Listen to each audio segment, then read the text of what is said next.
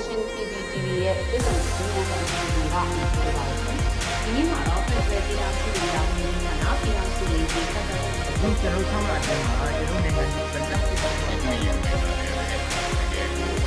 အဲဒါမျိုးကျွန်တော်တို့ NHS ဆေးရခွင့်နဲ့ဒီခေတ်ကြီးအစည်းအဝေးပွဲမှာကျွန်တော်တို့ချက်တယ်တိုက်ပြီးတယ်ဒီကြတိစစ်ဖိတ်ကြလို့ငယ်ဆိုတော့ကျွန်တော်တို့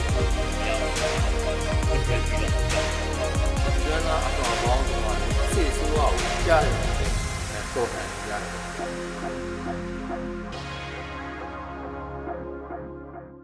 အားလုံးပဲမင်္ဂလာပါအခုကျွန်တော်ပြည်သူများကိုစားအာအင်တာဗျူးဝေးတော့မှာဖြစ်ပါတယ်အဲဒါတော့ကျွန်တော်တို့အခုဖိတ်ခေါ်ရတဲ့ဆရာကလူသားချင်းအစအနာထောက်ထားမှုဆိုင်ရာဘာဝဘေးရန်ရဲ့စီမံခန့်ခွဲဝင်ကြီးဌာနရဲ့ပြည်ထောင်စုဝင်ကြီးဆရာဝင်းမြတ်ရေးနဲ့အင်တာဗျူးစီစဉ်ခိုင်းခံတာဖြစ်ပါတယ်ပြည်သူများသိချင်တယ်ဆို ယုံကြည်တဲ့မိခွန်းတွေကိုကျွန်တော်တို့စီစဉ်ပြီးတော့မှဒီစီစဉ်လေးကိုတင်ဆက်ပေးလိုက်ရပါတယ်အားလုံးမင်္ဂလာပါခင်ဗျာဟုတ်ဆောင်းမြကျေးဇူးအားပေးတဲ့အတွက်လည်းကျေးဇူးအများကြီးတင်ပါတယ်ဆရာမင်္ဂလာပါဗျမင်္ဂလာပါဟုတ်ကဲ့ဆရာဟိုမင်္ဂလာတို့သာပြောရတာပါဆရာရဲ့လက်ရှိချိန်ကအချက်မဲ့စစ်ကောင်စီရဲ့ရက်ဆက်ကြမ်းကြုတ်မှုတံကိုပြည်သူတွေရင်းစည်းခံနေရတဲ့မင်္ဂလာသိမ့်မရှိတဲ့အချိန်ဖြစ်နေတော့ကြတော့မင်္ဂလာပါလို့ကျွန်တော်နှုတ်ဆက်ရတာစိတ်ထဲမှာတိတ်ပြီးမတက်မတာဖြစ်ပြီးခံစားရပါတယ်ဆရာအဲ့ တော့ဆရာစီကသိချင်တာလေးတွေရှိလို့ကျွန်တော်အခုဆက်သွယ်လိုက်တာပါဆရာချိန်ပေးပြီးတော့ဖြည့်ပေးမဲ့တော့လည်းကျေးဇူးအများကြီးတင်ပါတယ်ဆရာလုပ်တွေရှုပ်နေတော့လည်းကျွန်တော်သိပါတယ်ဆရာဟုတ်ကဲ့ပါဆရာပထမဆုံးသိချင်တာကအခုလက်ရှိအချိန်မှာချမ်းဘတ်စစ်ကောင်စီကတနက်တနက်ချင်းမတိုက်ဘဲနဲ့သေဘောကြောင်စွာနဲ့ရွာတွေကိုမိရှုလက်နက်မဲ့ရွာသူရွာသားတွေတက်ကြီးတွေကိုကလေးတငယ်တွေမှာမချမ်းတက်ဖြတ်ပြီးတော့မိန်းမိန်းကလေးတွေမျိုးသမီးတွေဆိုရင်လည်းအတ္တမကျင့်အဲ့လိုစတဲ့ရက်ဆက်ကြမ်းကြုတ်မှုတွေများစွာကို နေ့စဉ်ရက်ဆက်ကျူးလွန်နေတော့ကြတော့ဆရာအကြမ်းဖက်စစ်တပ်ရန်ကနေလွတ်မြောက်အောင်ပြေးနေရဲစွန့်ခွာထွက်ပြေးနေရတဲ့သူတွေများတဲ့များလာတော့လေကျွန်တော်တို့တွေးရပါတယ်ဆရာအဲ့ဒီတော့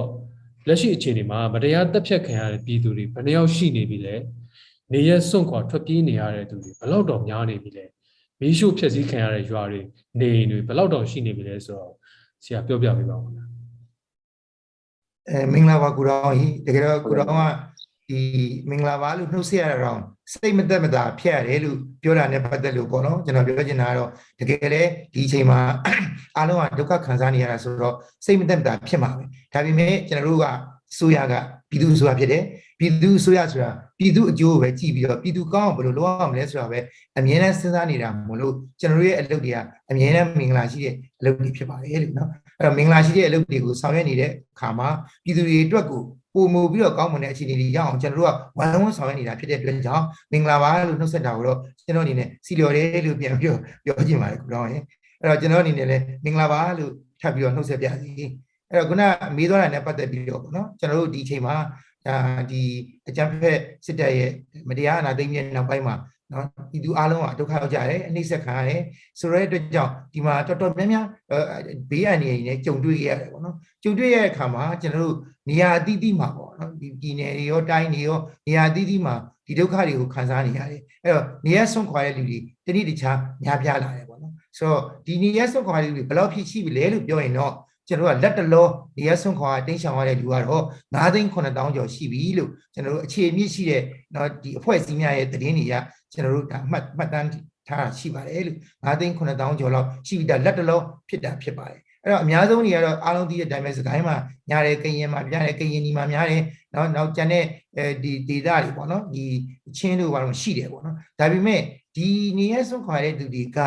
အဲရှိနေတယ်ဆိုတဲ့ဟာလက်တလောကိစ္စကိုပဲကျွန်တော်တို့ကပြောနေသေးတာဖြစ်တယ်ငကိုရင်းကနေရာဆုံးခွာတဲ့လူတွေလည်းငကိုကရှိခဲ့တာရှိတယ် အဲ့ဒီနေရာကတော့အများဖြင့်ရခိုင်မှာပေါ့နော်ရခိုင်မှာလည်းဒါအရင်အတိတ်ကိုပြန်ကြည့်လိုက်လို့ရှိရင်အကြောင်းမျိုးမျိုးကြောင့်ပေါ့နော်ဒီစစ်တပ်ရဲ့အဲဒီအကြောင်းမျိုးမျိုးကြောင့်ကြမ်းဖက်မှုတွေကြောင့်ဖြစ်သွားတဲ့ကိစ္စတွေကရှိနေခဲ့တယ်ပေါ့နော်ဒါတွေကိုလည်းကျွန်တော်ကထည့်မစင်စားလို့မရဘူးပေါ့နော်ဒီလိုမျိုးပြီးခဲ့တဲ့အတိတ်ကာလဖြစ်တဲ့ကြောင့်နေရာဆုံးခွာရည်ရှိတယ်အခုလက်တလုံးမှာကိုပဲ ဒီရခိုင်မှာပေါ့နော်ရခိုင်မှာဒီ IDP scan ချို့မိလောင်နေဆိုတာကြာကျွန်တော်တော်တော်စိတ်မကောင်းဖြစ်တယ်ဒါအရင်တော့ကဒါနေရာဆုံးခွာရတဲ့သူတွေရဲ့ခိုလုံနေတဲ့စခန်းပေါ့နော်ဒီစခန်းတွေမိလောင်တာရှိရဲဒါကြောင့်လည်းကျွန်တော်တို့ကချက်ချင်းပဲဒီလိုတုံ့ပြန်တာတွေကျွန်တော်တို့အနေနဲ့ဒီပြည်သူဆိုရလည်းဖြစ်တယ်ပြည်သူကိုကိုရင်းစားတဲ့ဆိုရအနေနဲ့တော့ဒါတွေလည်းတုံ့ပြန်နေတာရှိပါတယ်ကျွန်တော်တို့ဆိုတော့ဆိုလိုချင်တာကတော့အခုအဲ့လောက်ကျွန်တော်တို့ပမာဏများပြားတာရှိနေပြီလို့ပြောရမယ်အဲ့ဒီပြင်ကိုနေရာဆုံးခွာရတဲ့သူက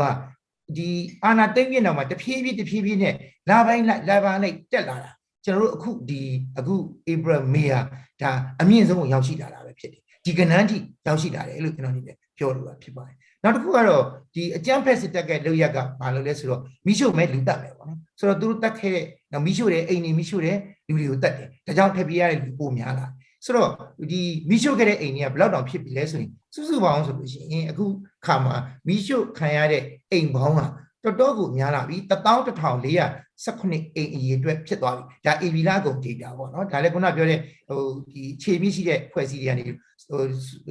စုစည်းထားတဲ့နံပါတ်ဖြစ်တယ်11419ထိများပြားလာပြီဆိုတော့ကျွန်တော်တွေ့ရတယ်မိရှုခါအများဆုံးကတော့စကိုင်းတိုင်းမှာအများဆုံးပဲဒုတိယကတော့မကွေးနောက်တတိယကတော့ချင်းနောက်ကရစသဖြင့်เนาะဒီအများကြီးပဲခံစားရတဲ့လူတွေရှိလာပြီပေါ့နော်ဆိုတော့ဒါတွေဟာ ဒီဒီလောက်ပမာဏထိများပြားတဲ့လူတွေဟာလူသားချင်းစာနာတဲ့အကူအညီတွေလိုနေမှာဖြစ်တယ်အဲ့တော့အဲ့ဒီအတွက်ကိုကျွန်တော်တို့လူသားချင်းစာနာစိတ်ရှိတဲ့ဟိုအစိုးရရဲ့ NUG အစိုးရနဲ့ဒီဝန်ကြီးဌာနကတော့ဒီကိစ္စကိုပဲကျွန်တော်တို့အမြဲတမ်းကောင်းတဲ့မှာထည့်ပြီးတော့ဟိုစဉ်းစားနေပါတယ်လို့ဒါလေးဖြေတတ်ချင် ဟုတ်ကဲ့ပါဆရာအဲသူတို့ရက်ဆက်မှုကအင်မတန်ဟိုညာပြလှပါတယ်ဆရာကျွန်တော်တို့အနေနဲ့ဆိုရင်ဒါအတိုင်းထက်အရင်လွန်လွန်နဲ့ဟိုဟိုလူစိတ်ကင်းမဲ့တဲ့အခြေအနေတစ်ခုဖြစ်တာပါเนาะဆရာအဲ့ တော့ဒီလိုချမ်းဖတ်စစ်ကောင်စီကြောင့်ဒုက္ခရောက်နေကြတဲ့ပြည်သူတွေကိုလူသားချင်းစာနာထောက်ထားမှုဆိုင်ရာအကူအညီပေးနိုင်ရေးအတွက်ဆရာတို့ဝန်ကြီးဌာနအနေနဲ့ဘာတွေဆောင်ရွက်နေရရှိတယ်လဲပြီးတော့ဒီလိုဆောင်ရွက်တဲ့နေရာမှာဘယ်လိုအခက်အခဲတွေရှိနေလဲဆိုတာဆရာရှင်းပြပေးပါဦးအဲ့တော့ဒီမှာပြောရရင်တော့ဆောင်ရွက်တာကိုဘာအခက်ခဲရှိလဲဆိုတာပို့အရေးကြီးတယ်ကျွန်တော်တို့ကတော့ဒီဇိုင်းဆန္ဒသိရှိတော့လက်နိုင်ဆုံးအကောင်းဆုံးကြိုးစားဆောင်ရွက်တယ် ကျွန်တော်တို့ဒီနေရာဆွန့်ခွာရတဲ့သူတွေကိုကျွန်တော်တို့စောင့်ရှောက်တယ်နောက်စာနာရိခမလုံလောက်တဲ့လူတွေကိုစောင့်ရှောက်တယ်နောက်ပြီးတော့ခုနလိုဒီအဲကျွန်တော်တို့ဒီပြိပခါကြားထဲမှာတော့ကြဆုံးသွားကြတဲ့သူရဲကောင်းတွေကျွန်တော်တို့ဘက်ကကျွန်တော်ရဲ့သူရဲကောင်းတွေနောက်ပြီးတော့ထိခိုက်ဒဏ်ရာရတဲ့လူတွေဒါတွေကိုစောင့်ရှောက်တယ်နောက်ပြီးတော့ဒီ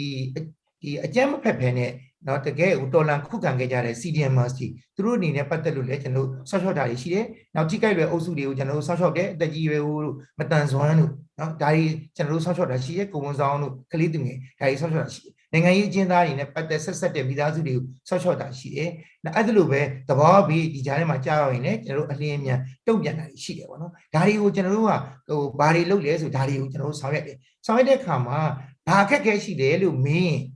အဲ့တော့ကျွန်တော်တို့လူလူသားချင်းစာနာစိတ်ရှိတဲ့လူတွေကလုပ်တဲ့အလုပ်တွေကိုအနှောက်အယှက်အဟန့်တာပေးခြင်းကတော့အကြီးမားဆုံးအခက်ခဲလို့ပြောလို့ရတယ်ဆိုလိုတာကတော့ဒီပေါ်မှာဘာကြောင့်လဲဆိုတော့သူတို့ကလူသားချင်းစာနာတဲ့စိတ်မရှိကြဘူးเนาะပြည်သူတွေကိုနော်ကိုယ့်ရဲ့เนาะကိုချင်းစာစိတ်မရှိကြဘူးအဲ့လိုမရှိတဲ့အတွက်ကြောင့်ဒီလိုမျိုးလုပ်ရက်တွေကိုဟန့်တားတယ်နှောက်ယှက်တယ်ဖျက်ဆီးတယ်ဒါအကြီးမားဆုံးအခက်ခဲပဲအဲ့ဒါကိုကျွန်တော်တို့ကကြော်လွှားတယ်ကြော်လွှားတဲ့အတွက်ကြောင့်ကျွန်တော်တို့တချို့နေရာတွေမှာ ဟိုပေါ်ပေါ်လွင်လုပ်လို့မရတာတွေရှိတယ်။နောက်ကျွန်တော်ချွတ်နေရာတွေမှာကျွန်တော်တို့ရဲ့တကယ်မြေပြင်မှာဆောင်ရွက်တဲ့လူတွေကတည့်ဝဲဆောင်ရွက်ရတဲ့ကိစ္စတွေလည်းရှိတယ်ပေါ့နော်။ဒါကအရေးကြီးတဲ့အခက်အခဲတွေပဲ။နောက်တစ်ခုကတော့ကျွန်တော်ဒီလိုမျိုးထောက်ပံ့နိုင်မှုအတွက်ငွေကြေးရန်ပုံငွေရရှိဖို့လိုတယ်။ငွေကြေးတွေစီးဆင်းမှုတွေဟိုချော့ပွင့်ဖို့လိုတယ်။ဒီလိုနေရာတွေမှာလည်းကျွန်တော်အခက်အခဲတွေကျွန်တော်အများကြီးကြော်လွှားပြီးတော့ဆောင်ရွက်နေတယ်။ဘာပဲဖြစ်ဖြစ်ကျွန်တော်တို့ကပြည်သူအတွက်ကိုအခက်အခဲကိုဒုက္ခတွေကိုဖြေရှင်းတာဖြစ်တဲ့အတွက်ကြောင့် ကျွန်တော်တို့ကိုကူညီနေတဲ့လူတွေကလည်းပြည်သူတွေပဲဖြစ်တယ်အဲ့တော့ပြည်သူတွေအချင်းချင်းဒီအခက်အခဲတွေကိုကျွန်တော်တို့ကြော်လွှားနေကြတယ်လို့ကျွန်တော်ဒီနေ့ဖြေလို့တယ်ခင်ဗျာဒါအရေးကြီးပါတယ်ဟုတ်ကဲ့ပါဆရာဒါကျွန်တော်တို့အခက်အခဲတွေကြားနေပဲတက်နေတော့ပြည်သူတွေအတွက်ဟိုဆောင်ရွက်ပေးနေတာကိုကျေးဇူးအများကြီးတင်ပါတယ်ဆရာအဲ့တော့ကျွန်တော်အခုနောက်ထပ်မေးခွန်းလေးတစ်ခုတက်မေးချင်ပါတယ်ဆရာအဲ့ဒါကကျွန်တော်တို့ဒီရက်ပိုင်းကြားနေရတဲ့သတင်းတွေရပါတော့ အာဆီယံလူသားချင်းစာနာထောက်ထားမှုအကူအညီတွေကိုအကြံဖက်စစ်ကောင်စီကတဆင့်ပေးရမယ်ဆိုတာမျိုးတွေကိုကျွန်တော်ကြားနေရပါတယ်ဆရာဒီကိစ္စကို NUG ကကန့်ကွက်တာတွေကိုလည်းကျွန်တော်တွေ့ရပါတယ်ပြည်သူတွေပေါ်မှာစာနာမှုကင်းမဲ့ဆောင်တဲ့ဒီလိုနှိပ်စက်တက်ဖြတ်နေတဲ့စစ်ကောင်စီလူသားချင်းစာနာထောက်ထားမှုအကူအညီတွေပေးမယ်ဆိုတာကျွန်တော်ထင်တော့ဒါတော်တော်တော်တော်လွဲမားတဲ့အပြုမှုလို့ကျွန်တော်စဉ်းစားကြည့်လို့တော့မရပါဘူးဆရာအဲ့တော့အဲ့ဒီပုံမှာဆရာအမြင်လေးကိုပြောပြပေးပါဦး အဲ့တော့ကုတော်ကစဉ်းစားကြည့်လို့တော့မရဘူးလို့ပြောတဲ့ဟာတကယ်ခန်းစားချက်ကအရန်ပေါ်လွင်တယ်စဉ်းစားကြည့်လို့တော့မရဘူးဆိုတာတကယ်အမှန်ပဲလူသားချင်းစာနာစိတ်ကင်းမဲ့စွာနဲ့နော်တရဒီလိုမျိုးငရဲဆွခွာတဲ့လူတွေဒုက္ခရောက်နေလူတွေတရခံ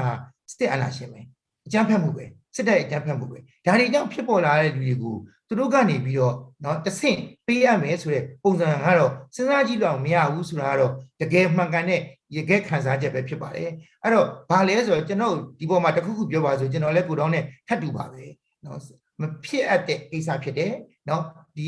စဉ်းစားကြည့်လို့တော့စဉ်းတော့မစဉ်းစားသင့်တဲ့အရာဖြစ်တယ်ပေါ့ဆိုလိုတာကတော့ဒုက္ခရောက်နေတဲ့လူတွေကပြည်သူတွေဖြစ်တယ်ပြည်သူတွေကြားထဲမှာပြည်သူတွေကိုပြန်ပြီးတော့ကူညီနေရတယ်အခုကအဲ့တော့ အခုပြည်သူတွေကြားထဲကပြည်သူတွေကိုကူညီမှတကယ်ဒုက္ခရောက်တဲ့လူတွေရှိရောက်မယ်နောက်တစ်ခါအကြမ်းဖက်စစ်တပ်အနေနဲ့ပြည်သူကိုရန်သူလို့သဘောထားတဲ့အတွက်ကြောင့်သူရန်သူကိုသူကနေပြီးတော့စာနာထောက်ထားမှုအကူအညီတွေပေးမယ်ဆိုတာယုံစရာမရှိဘူးလို့ကျွန်တော်အနေနဲ့ပြောလိုပါတယ်ဒါအမှန်တန်ရှင်းတယ်ပေါ့နော်ရှင်းတယ်ဆိုတော့ဒါဒီဒီသတင်းကြားတယ်ဆိုတာလည်းဟုတ်တယ်ဒါကိုလည်းအာဆီယံလူသားချင်းစာနာထောက်ထားမှုအကူအညီတွေကိုဒီလိုနည်းနဲ့သွားမယ်ဆိုတာကိုလုပ်နေတာဖြစ်တယ်တကယ်တမ်းဆိုလို့ရှိရင် လူသားချင်းစာနာထောက်ထားမှုအကူအညီတွေကိုပေးဖို့အတွက်နိုင်ငံတကာစိတ်အားထက်သန်ကြတယ်နိုင်ငံတကာကကျွန်တော်တို့မိတ်ဆွေနိုင်ငံတွေရောနိုင်ငံတကာကနေလူသားချင်းစာနာတဲ့အကူအညီတွေပေးဖို့ဆိုတာငွေကြေးမြောက်များစွာကိုเนาะသူစုဆောင်းထားကြတယ်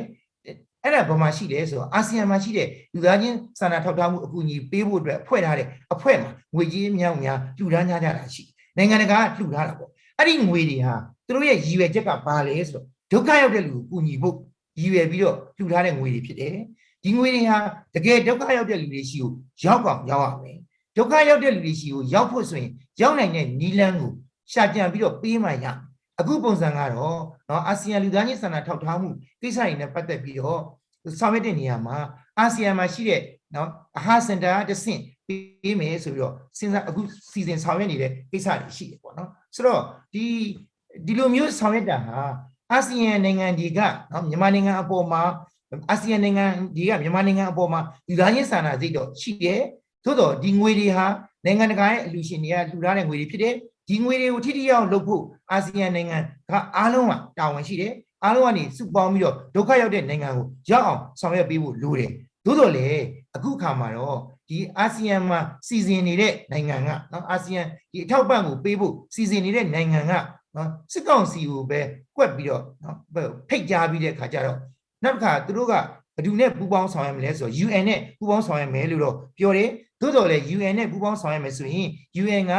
UN ဆိုတာကနိုင်ငံတကာကုလသမဂ္ဂအဖွဲ့အစည်းတွေဟာနိုင်ငံတကာဒီစိုးရမဟုတ်တဲ့အဖွဲ့အစည်း INGOs INGOs တွေနဲ့တစ်ဆင့်ထောက်ပံ့ကူညီတဲ့အလုပ်ကိုလုပ်နေကြဖြစ်တယ်ပေါ့နော်ဒီလိုမျိုးလုပ်နေကြအဖွဲ့အစည်းတွေဟာလည်း INGOs အဖွဲ့အစည်းတွေကို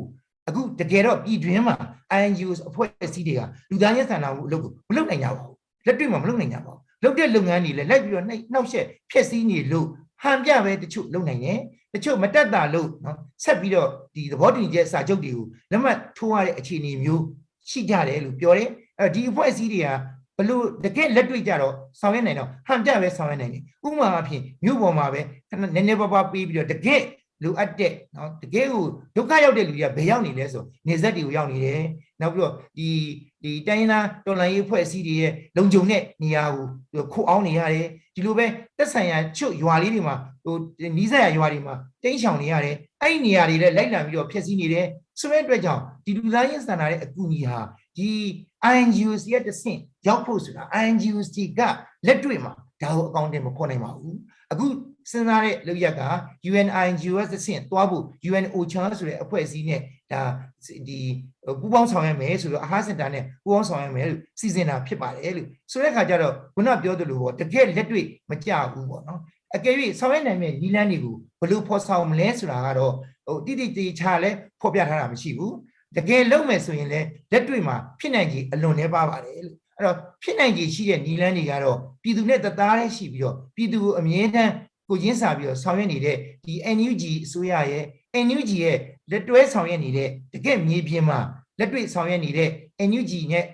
ဆက်ဆက်နေတဲ့အဖွဲ့အစည်းတွေနောက်လူမှုအဖွဲ့အစည်းတွေရှိတယ်နောက်ပြီးတော့ volunteers တွေလုပ်အားပေးအဖွဲ့တွေရှိတယ်နောက်ပြီးတော့ NUG ကနေပြီးတော့ဖွဲ့စည်းထားတဲ့ဖွဲ့စည်းထားတဲ့ဒီ data ဆိုင်ရာမှာအုပ်ချုပ်ရေးအဖွဲ့အစည်းမှာပြည်သူ့အုပ်ချုပ်ရေးအဖွဲ့တို့ပြည်သူ့လုံခြုံရေးအဖွဲ့တို့ဒီဒီမှာလူသားချင်းစာနာတာကိုဆက်ဆက်ဆောင်ရွက်ပေးနေတဲ့တာဝန်ယူတဲ့လူတွေရှိတယ် အဲ့တော့တကယ်တိတိယောက်လှုပ်ဆောင်နိုင်တဲ့အဖွဲ့တွေနဲ့မချိတ်ဆက်ဖဲမချိတ်ဆက်ဖဲနဲ့တော့ဘလို့မှမဖြစ်နိုင်ဘူးလို့ဒါကြောင့်မလို့စဉ်းစားကြည့်တော့မရဘူးဆိုတာအမှန်ပါပဲလို့တော့ဒီပေါ်မှာတစ်ခုခုပြောပါဆိုတော့အခုပြောလိုက်တာတော့ဟိုတကယ်ဟိုကျွန်တော်စုံစုံလင်လင်လေးတော့ပြောလိုက်တာရှိတာပေါ့နော်ဒါပေမဲ့ဒီတဲ့အရေးကြီးတဲ့အရာတွေဆက်ပြီးတော့ကျွန်တော်ဆွေးနွေးဖို့လိုသေးတယ်ဒီအကူအညီတွေဘလို့များနော်ပေးမှလဲဆိုတဲ့ဟာအရင်အရေးကြီးတယ်လို့ကျွန်တော်နေယူဆပါတယ်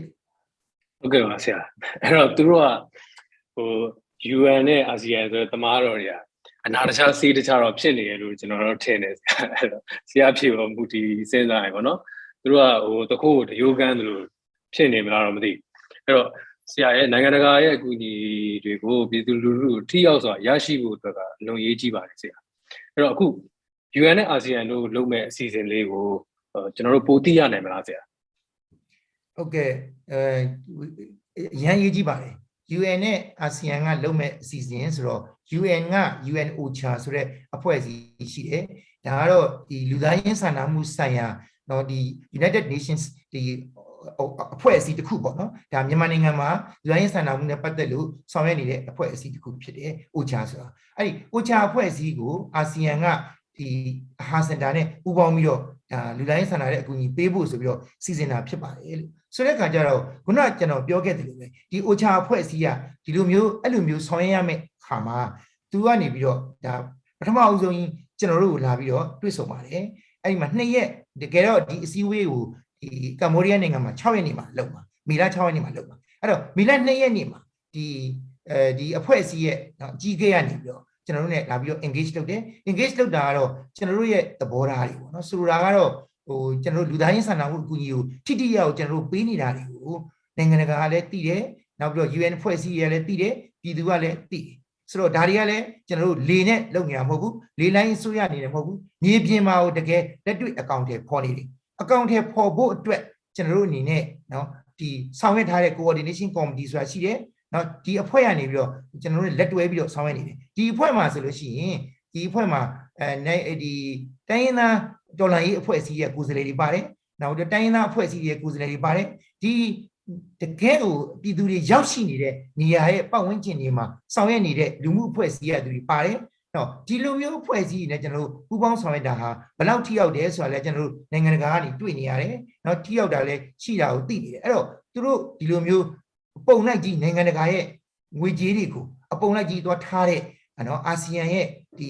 အဲ humanitarian team ဒါကိုအဟာစင်တာကနေဆောင်ရွက်မယ်ဆိုတဲ့ humanitarian team ပေါ့ဒီအဖွဲ့မှာသွားထားတဲ့ငွေတွေကိုတကယ်ထိထိရောက်ရောက်ဆောင်ရွက်ဖို့ဆိုတဲ့ကိစ္စနဲ့ပတ်သက်ပြီးတော့နော်ကျွန်တော်တို့ကိုလာပြီးတော့ဘယ်လိုများသဘောထားရှိတယ်လို့ဆွေးနွေးတဲ့အခါမှာကျွန်တော်တို့ကလည်းဖြစ်နိုင်တဲ့နည်းလမ်းတွေကိုပြောပြတယ်မဖြစ်နိုင်တဲ့နည်းလမ်းတွေကိုလည်းကျွန်တော်တို့ကနေပြီးတော့ဟိုပြောရှင်းပြတယ်ပေါ့ဒါတွေကိုသဘောပေါက်ရလားဆိုတော်တော်များများလည်းသဘောပေါက်ကြတယ်အဲ့တော့ဒီအစည်းအဝေးတွတ်တက်ပြီးရင်တော့ ပြန်ပြီးတော့တုံ့ပြန်ပါမယ်ဆိုပြီးတော့ဒါတွေ့တာတွေရှိတယ်ပေါ့နော်အဲ့လိုပဲဒီမီလာဒီအစည်းအဝေးမတိုင်ခင်မီလာ3ရက်နေ့မှာလည်းဒီ UN Special Envoy နော်ဒီဒါအားလုံးသိပါတယ် Norin Hayes သူကနေပြီးတော့သူ statement တစ်ခုထုတ်ထားတယ်အဲ့ဒီ statement ကလည်းတကယ်တမ်းဆိုလို့ရှိရင်တော့ UN Special Envoy for Myanmar ဆိုတာကမြန်မာနိုင်ငံရဲ့ဒီလူသားချင်းစာနာတဲ့အကူအညီအပအဝင်နိုင်ငံတကာကနေဒီ UN ကကုလသမဂ္ဂကနေပြီးတော့မြန်မာနိုင်ငံမှာလက်ရှိဖြစ်ပေါ်နေတဲ့ကိစ္စတွေနဲ့ပတ်သက်ပြီးတော့နော် တကယ်ချိတ်ဆက်ပြီးတော့ထိထိရောက်ရောက်ဆောင်ရွက်နိုင်ဖို့ဆိုပြီးတော့ခန့်အပ်ထားတဲ့ special envoy ဖြစ်တယ်။ तू ကလည်း statement ထုတ်ပြန်တယ်။ तू ကဒီသတင်းတွေကိုကြားတယ်ဒီအဖွဲ့အစည်းတွေဒါလုပ်တော့မယ်ဆိုတာဖြစ်တယ်။အဲ့တော့လူသားချင်းစာနာမဲ့အကူအညီပေးတယ်ဆိုတော့ तू ကြိုဆိုတာပေါ့။ဒါအားလုံးကကြိုဆိုတယ်။လူသားချင်းစာနာမှုအကူအညီပေးမယ်ဆိုတော့ကြိုဆိုရမယ်။ဒါပေမဲ့ဒီအကူအညီဒီပြည်သူထံသိသိချာချာရောက်ဖို့လိုတယ်။ဆိုတော့သူ့ရဲ့ statement တွေမှာလည်း तू ကထုတ်တယ်။နိုင်ငံတကာလူသားချင်းစာနာမှုဆိုင်ရာဥပဒေဆိုတာရှိတယ်။နိုင်ငံတကာလူ့အခွင့်အရေးဥပဒေဆိုတာရှိ ဒီဥပဒေတွေကိုလိုက်နာဖို့လိုတယ်။နောက်ပြီးတော့အဖွဲ့အစည်းအားလုံးနဲ့ချိတ်ဆက်ပြီးတော့ဆောင်ရွက်မှလာရမယ်။နောက်ခုနပြောသလိုဒီ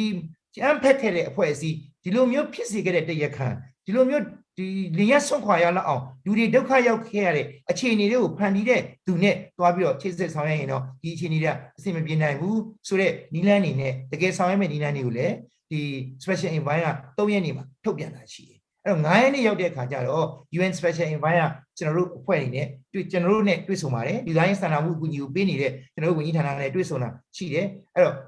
အဲ့ဒီနောက်6ရက်နေ့ကျတော့သူတို့ဒီအာဆီယံမှာရှိရဲ့နော်ကမ္ဘောဒီးယားနိုင်ငံမှာဒီ consultative meeting ဆိုတဲ့ဟာလုပ်တယ်ဒါကဘာလဲဆိုတော့လူသားချင်းစာနာမှုဆိုင်ရာအကူအညီပေးနဲ့ပတ်သက်ပြီးတော့ညှိနှိုင်းတဲ့အတိုင်ပင်ညှိနှိုင်းတဲ့အစည်းအဝေးလို့ဆိုတယ်ပေါ့နော်အဲ့ဒီအစည်းအဝေးကိုသူကျင်းပကြတယ်ကျင်းပတဲ့ခါကျတော့လေနော်တကယ်တမ်းဆိုလို့ရှိရင်တော့ ဒီအာဆီယံမှာအခုဥက္ကဋ္ဌလုပ်နေတဲ့ကမ္ဘောဒီးယားနိုင်ငံမှာကျင်းပတာဖြစ်တယ်သို့တော့ဘလို့နော်ဘသူကဥဆောင်ပြီးတော့ဘလို့ကျင်းပတယ်ဆိုတာကတော့အဲ့မှာအရင်ကြီးမရှင်းလင်းတဲ့အချက်တွေလည်းရှိတယ်သို့တော့လေအဲ့ဒီမှာကျင်းပဖြစ်တယ်ကျင်းပတော့ဖိတ်တာဘသူဖိတ်လဲဆိုတော့ဒီတကယ်တမ်းဆိုလို့ရှိရင်ခုနပြောတဲ့နော်အကျန်းဖက်ကိုအကျန်းဖက်ကနေပြီးတော့ဖန်တီးခဲ့တဲ့ဒုက္ခတွေတွေကိုဖန်တီးခဲ့တဲ့သူတွေကပဲဒီမှာစီလူသားချင်းဆန္ဒတဲ့အကူအညီပေးဖို့အတွက်ကိုညှိနှိုင်းမဲ့အဖွဲ့ဆိုပြီးတော့ဖွဲ့စည်းပြီးတဲ့ခါကျတော့ ဒါကိုအုပ်ဒီနိုင်ငံတကာနဲ့ပတ်သက်တဲ့ဝင်ကြီးဒီစကားဆိုင်ရဲ့ဝင်ကြီးပေါ့သူကဥဆောင်ပြီးတော့ဒါကိုသွားတယ်နောက်ကျမ်းမာရေးတူဝင်ကြီးတို့ဒီလူသားလူကယ်ပြန်တူဝင်ကြီးတို့ဒါတွေကိုပါဝင်ပြီးတော့ဒီအဖွဲ့နဲ့တွားပြီးတော့အဲ့ဒီမှာဆွေးနွေးတယ်ဆွေးနွေးတော့ UNOCHA နဲ့ဝူအောင်ဆောင်ရမှာဖြစ်တဲ့အတွက်ကြောင့် UNOCHA ကခုနကျွန်တော်တို့ကလာရောက်တွေ့ဆုံခဲ့တဲ့နော်ဒီအဲဒီဟိုဟာပေါ့ဒီမြန်မာနိုင်ငံရဲ့ဒီဒီအဖွဲ့ခေါင်းဆောင်ပါတယ်ပေါ့နော် အဲ့ဒီအပြင်ကိုကုလသမဂ္ဂရဲ့အရေးပါတဲ့ဒီဟိုပုဂ္ဂိုလ်တူလည်းပါတယ်အမျိုးသမီးတူပါတယ်သူကတော့ဟိုဒီ Joyce ဆိုတာလို့ခေါ်တယ်သူကဘာလဲဆိုတော့ UN Assistant Secretary ပေါ့နော်သူက for humanitarian assistance ဒါနဲ့ပတ်သက်တဲ့ OCHA ရဲ့ဟိုဒီတာဝန်ရှိတဲ့သူပေါ့နော်သူလည်းပါတယ်ပေါ့နော်သူကလည်းအဲ့ဒီစီးဝေးမတိုင်ခင်မှာကျွန်တော်တို့ရဲ့ UN ကကျွန်တော်ကျွန်တော်တို့ရဲ့ကုလသမဂ္ဂဆိုင်ရာမှာเนาะအရေးပါတဲ့ကျွန်တော်မြန်မာနိုင်ငံရဲ့ကိုယ်စားလှယ် အဲဥကြော်မိုးထွန်းနဲ့သူကဆွေးနွေးခဲ့တယ်ဆိုတော့ဒါမသွားခင်မှာဆွေးနွေးတာသဘောတည်းသဘောထားတွေယူတာသူတို့ကဘာလဲဆိုတော့ဒီဘက်ကိုချိချိဆက်ဆက်တွေ့တယ်ဆိုတာပြောတယ်ကိုဘက်ကိုဆွေးနွေးရတော့မယ်ကိစ္စရှိတာအဲ့တော့အဲ့ဒီကပြန်ပြီးတော့အစည်းအဝေးပြီးတဲ့ခါမှာ6ရက်နေမှာပဲဒီဒီအဖွဲ့เนาะကျွန်တော်တို့ရဲ့ဒီအိုချာအဖွဲ့ကောင်းဆောင်ကောခုနပြောတဲ့ UN နဲ့ UN ကတာဝန်ရှိတဲ့ဒီ OCHA နဲ့ဆိုင်တဲ့တာဝန်ရှိတဲ့သူကောနှစ်ယောက်စလုံးကကျွန်တော်တို့နဲ့ ကျွန်တော်တို့ဝန်ကြီးဌာနရဲ့ဆရာဦးကျော်ဒီဦးကျော်မိုးထွန်းရဲ့ကိုလာပြီးတော့အဖြစ်ဒီအကျိုးအကြောင်းတွေပြန်ရှင်းပြတယ်ပေါ့နော်အကျိုးအကြောင်းတွေပြန်ရှင်းပြတယ်အာဆီယံမှာသူတို့လှုပ်ဆောင်မဲ့ကိစ္စတွေပူးပေါင်းဆောင်ရွက်မဲ့ကိစ္စတွေလာရှင်းပြအဲ့ဒီလာရှင်းပြတဲ့အချိန်အခါမှာကျွန်တော်တို့ကမေးတယ်ဘလို့လဲအအိုချာဘာတာဝင်မလဲအဟာစန်တာဘာတာဝင်မှာလဲဆိုတော့အဲ့ဒီမှာတော့ရှင်းရှင်းလင်းလင်းကြီးအဖြေတွေမရဘူးသူတို့လည်း engage သွားပြီးတော့အစည်းအဝေးတက်တာပဲရှိခဲ့ပြီးတော့ရှေ့ဆက်လုပ်မဲ့လုပ်ငန်းစဉ်အနုစိတ်ကတော့ကျွန်တော်တို့အနေနဲ့ အားလုံးကရှင်းရှင်းလင်းလင်းပွင့်ပွင့်လင်းလင်းမတူမသိခဲ့သေးဘူးလို့ပြောရမယ်သို့တော့ခုနပြောတဲ့အတိုင်းပဲစဉ်းအောင်စဉ်းစားလို့မရဘူးဆိုတဲ့ကိစ္စမျိုးလိုပဲဒီကိစ္စကတော့တကယ်လက်တွေ့မှာဘယ်လောက်ထိအောင်ဖြစ်လာမယ်ဆိုတာလုံးဝကျွန်တော်တို့ညှော်မှန်းလို့မရတဲ့ကိစ္စဖြစ်တယ်။ဘာကြောင့်လဲဆိုတော့တကယ်ဒုက္ခရောက်နေတဲ့သူတွေပေါ့တကယ်ဒုက္ခရောက်တဲ့လူတွေကိုကုညီနိုင်တဲ့နော်တကယ်ကိုလက်တွေ့မြေပြင်မှာအကောင့်ထဲဖော်တာကိုပြတ်တက်ခဲ့တဲ့သူတွေမဟုတ်ခဲ့ဘူးပေါ့နော် ဒါကြောင့်မလို့အရန်ရေးကြည့်ပါလေဥပမာအဖြစ်ဟိုတလောကဟိုကျွန်တော်ကြားလိုက်မှာပါအိန္ဒိယအကူအညီပေးတဲ့ဆန်ပေါ့နော်ဒီဆန်ကိုတကယ်တော့ပြည်သူတွေဒုက္ခရောက်နေတဲ့ပြည်သူနော်တကယ်နေဆက်မှာရောက်နေတဲ့လူနေကြားရောက်နေနေဆက်မှာရောက်နေတဲ့လူတွေ displace ဖြစ်သွားပြီးတော့တော်တဲ့တောင်ထဲရောက်နေတဲ့လူတွေဂျွာဒီမှာဒုက္ခရောက်နေတဲ့လူတွေမြို့ပေါ်မှာလည်းဒုက္ခရောက်နေတဲ့လူတွေရှိတယ်လူတွေကိုတကယ်ဟိုတကယ်ဒုက္ခရောက်နေတဲ့သူတွေကိုဖြတ်နာမှုပဲနဲ့နိစ္စရာနဲ့ဖြတ်လိုက်တဲ့ပုံစံမျိုးဒါတွေလည်းအားလုံးကြားဘူးကြကြားခဲ့ကြမှာ ဆိုတော့စဉ်းစားကြည့်ရင်တော့ဘလို့မှဟိုဟိုထိရောက်တဲ့လမ်းစဉ်တော့မဟုတ်ဘူးပေါ့နော်ဒါကိုစပြီးတော့အကောင့်တွေပို့ဖို့ကြိုးစားနေတာဖြစ်ပါတယ်လို့ဒါလေးတွေကိုရှင်းပြတာဖြစ်ပါတယ်ဟုတ်ကဲ့ပါဆရာအဲ့တော့ဆရာပြောသွားတဲ့ထဲမှာဟိုကျွန်တော်တွေကဒီလူသားချင်းကူညီမှုတွေကိုဆက်ပြီးတော့ရဖို့အတွက်ကြိုးစားနေရတယ်လို့မြင်ရပါတယ်ဆရာအဲ့ဒါလည်းအများဆုံးအောင်မြင်ပြီးတော့ကျွန်တော်တို့တမားတော်နဲ့တကယ်လူလူနာတွေနဲ့တွေ့ရပါစေလို့ ကျွန်တော်ဆုတောင်းပါတယ်ဆရာအဲ့တော့ခုဆရာပြောသွားတဲ့ထဲမှာအဟာဆန္ဒဆိုတဲ့အကြောင်းလေးကိုလည်းကျွန်တော်သိချင်ပါတယ်ဆရာအဲ့ဒါလေးကိုလည်းဆရာရှင်းပြပြီးတော့ဆိုတော့အဟာစင်တာကတော့တကယ်တော့ဒီအာဆီယံနိုင်ငံတွေကပေါ့နော်အာဆီယံနိုင်ငံတွေကသဘောပြီးကြောက်တဲ့ခါမှာတော့ထိထိရောက်ရောက်နော်အားလုံးပူးပေါင်းပြီးတော့ဆောင်ရွက်နိုင်ဖို့ဆိုပြီးတော့ဖွဲ့စည်းထားတာဖြစ်တယ်အဲ့တော့လူသားချင်းစာနာမှုအကူအညီတွေနဲ့ အဲအာဆီယံကသူတို့ရဲ့ကိုစားပြုအဖွဲ့အစည်းပေါ့အာဆီယံနိုင်ငံတွေကအာဆီယံ members countries တွေပေါ့အာဆီယံအဖွဲ့ဝင်နိုင်ငံတွေကသူတို့ရဲ့ကိုစားပြုအဖွဲ့အစည်းအနေနဲ့ဘေးအန္တရာယ်စီမံခန့်ခွဲရေးမှာလူသားချင်းစာနာမှုဆိုင်ရာအာဆီယံညှိနှိုင်းရေးမှုယုံဆိုပြီးတော့ဖွဲ့ထားတာရှိတယ်ဒါကို the ASEAN Coordinating Center for Humanitarian Assistance on Disaster Management AHA Center လို့ခေါ်လိုက်တာဆိုတော့အဲ့တော့ ASEAN Coordinating Center for Humanitarian Assistance ဒါ AHA Center ဒီ AHA Center ကတဆင့်ဒီ AHA Center ကိုပြောပြောပါဆိုရင်တော့တကယ်တော့ AHA Center နဲ့ကျွန်တော်တို့ပြီးခဲ့တဲ့ကျွန်တော်တို့အစိုးရလက်ထက်မှာကျွန်တော် NLD အစိုးရလက်ထက်မှာလည်းကျွန်တော်တို့အဟာစင်တာနဲ့ပူးပေါင်းဆောင်ရွက်တာအများကြီးလုပ်ခဲ့တယ်အဓိကအဟာစင်တာရဲ့လုပ်တာကတော့တဘာဝဘေးစီမံခန့်ခွဲတာကိုသူကအဓိကဆောင်ရွက်တာဖြစ်တယ်ဒါနဲ့ပတ်သက်ပြီးတော့ကျွမ်းကျင်မှုတွေရှိတယ်တင်တန်းတွေ ပေးထားတာရှိတယ်အာဆီယံယူရက်တင်းဆိုတဲ့အရေးပေါ်အဖွဲ့တွေရှိတယ်ဒါတွေကနေသဘာဝဘေးတွေကြားလို့ရှိကူညီတာရှိတယ်သူကြောင့်ဖြစ်တဲ့ဘေးဒီလိုမျိုး conflict တွေမှာတော့အတွေ့အကြုံအလွန်နှဲပါတယ်